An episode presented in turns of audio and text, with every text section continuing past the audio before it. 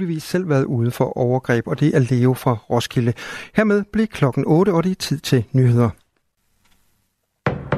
Nu er der nyheder på Radio 4. Et bredt flertal i Vordingborg Kommune har valgt at reducere antallet af pladser i byrådet fra 29 til 27. Det sker for at imødekomme de besparelser, som kommunen står overfor. Det skriver TV2 Øst. Kommunen fik sidste år udarbejdet et sparekatalog. At det fremgik det, at de kunne spare 110.000 kroner ved at fjerne en stol i kommunalbestyrelsen. Og nu har Vordingborg Kommune altså besluttet at fjerne to. Region Nordjylland går lidt en anden retning. Her vil de lukke skadestuen i Hobro og skadeklinikken i Farsø. Det fremgår af et spareforslag, regionen har sendt i høring, skriver TV2 Nord. Region Nordjylland vil også mindske bemandingen på Tisted sygehus. Tilsammen vil forslagene give en besparelse på op til 8 millioner kroner. Undervisningsminister Mathias Tesfaye vil have undersøgt, om den grænseoverskridende adfærd på Borup Skole er udtryk for en bredere tendens.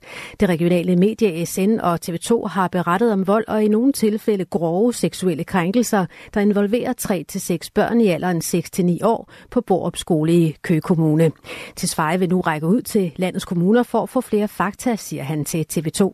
Jeg er selvfølgelig ligesom alle andre berørt af de historier, der kommer fra Borup Skole og er først og fremmest optaget af, at familierne i Borup, ikke mindst børnene, øh, får hjælp til at komme igennem det her på en ordentlig måde, og at alle børn skal kunne møde trygge, når de starter i skole i Danmark. Mathias Tesfaye mener til en vis besindighed i forhold til sagen fra Borup Skole. Når lige røgen har lagt sig, så bliver der jo behov for at følge op på, også politisk, Øh, er det her en egentlig svale? Er det undtagelsen? Eller er der en tendens i den danske folkeskole, som vi politisk skal forholde os til? Men jeg vil gerne undgå at gå i politikerpanik øh, allerede døgnet efter at indføre nye regler til 1300 folkeskoler, fordi vi ser øh, nogle ret triste sager fra en enkelt skole.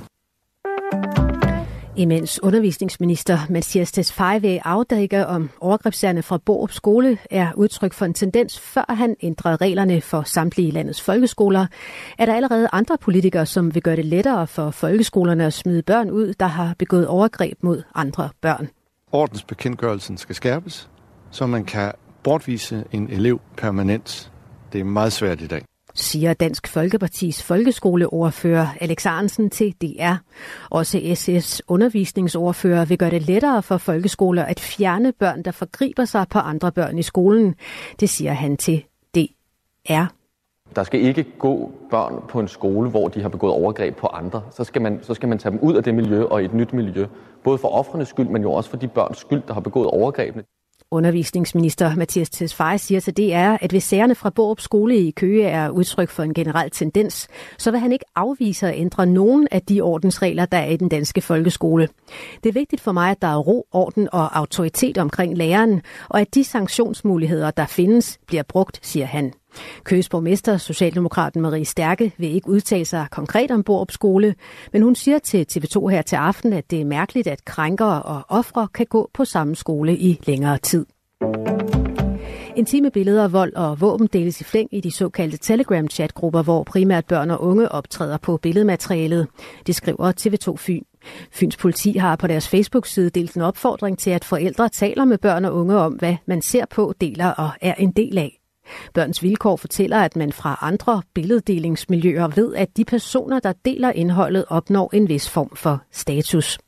Organisationen har modtaget opkald fra flere unge, der har set indholdet, og Børns Vilkår vil, har siden anmeldt grupperne til Fyns politi, hvilket Fyns politi bekræfter. Og nu til noget andet. Årets Super Bowl slog alle tidligere seerrekorder i USA. Mere end 123 millioner amerikanere så med, da Kansas City Chiefs vandt over San Francisco 49ers. Dermed er der tale om historiens mest sete tv-transmission i USA. Det beretter selskabet Paramount, der ejer tv-stationen CBS, hvor Super Bowl blev vist.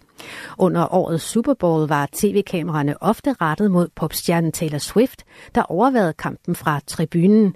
Swift danner par med Travis Kelsey fra Chiefs.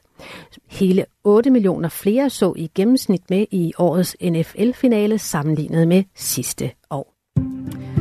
Og lad os få vejret i aften og i nat først skyde med regn, temperaturer mellem frysepunktet og 5 graders varme, svag til jævn vind fra syd og sydvest. Det var nyhederne her på Radio 4 med Angela Brink.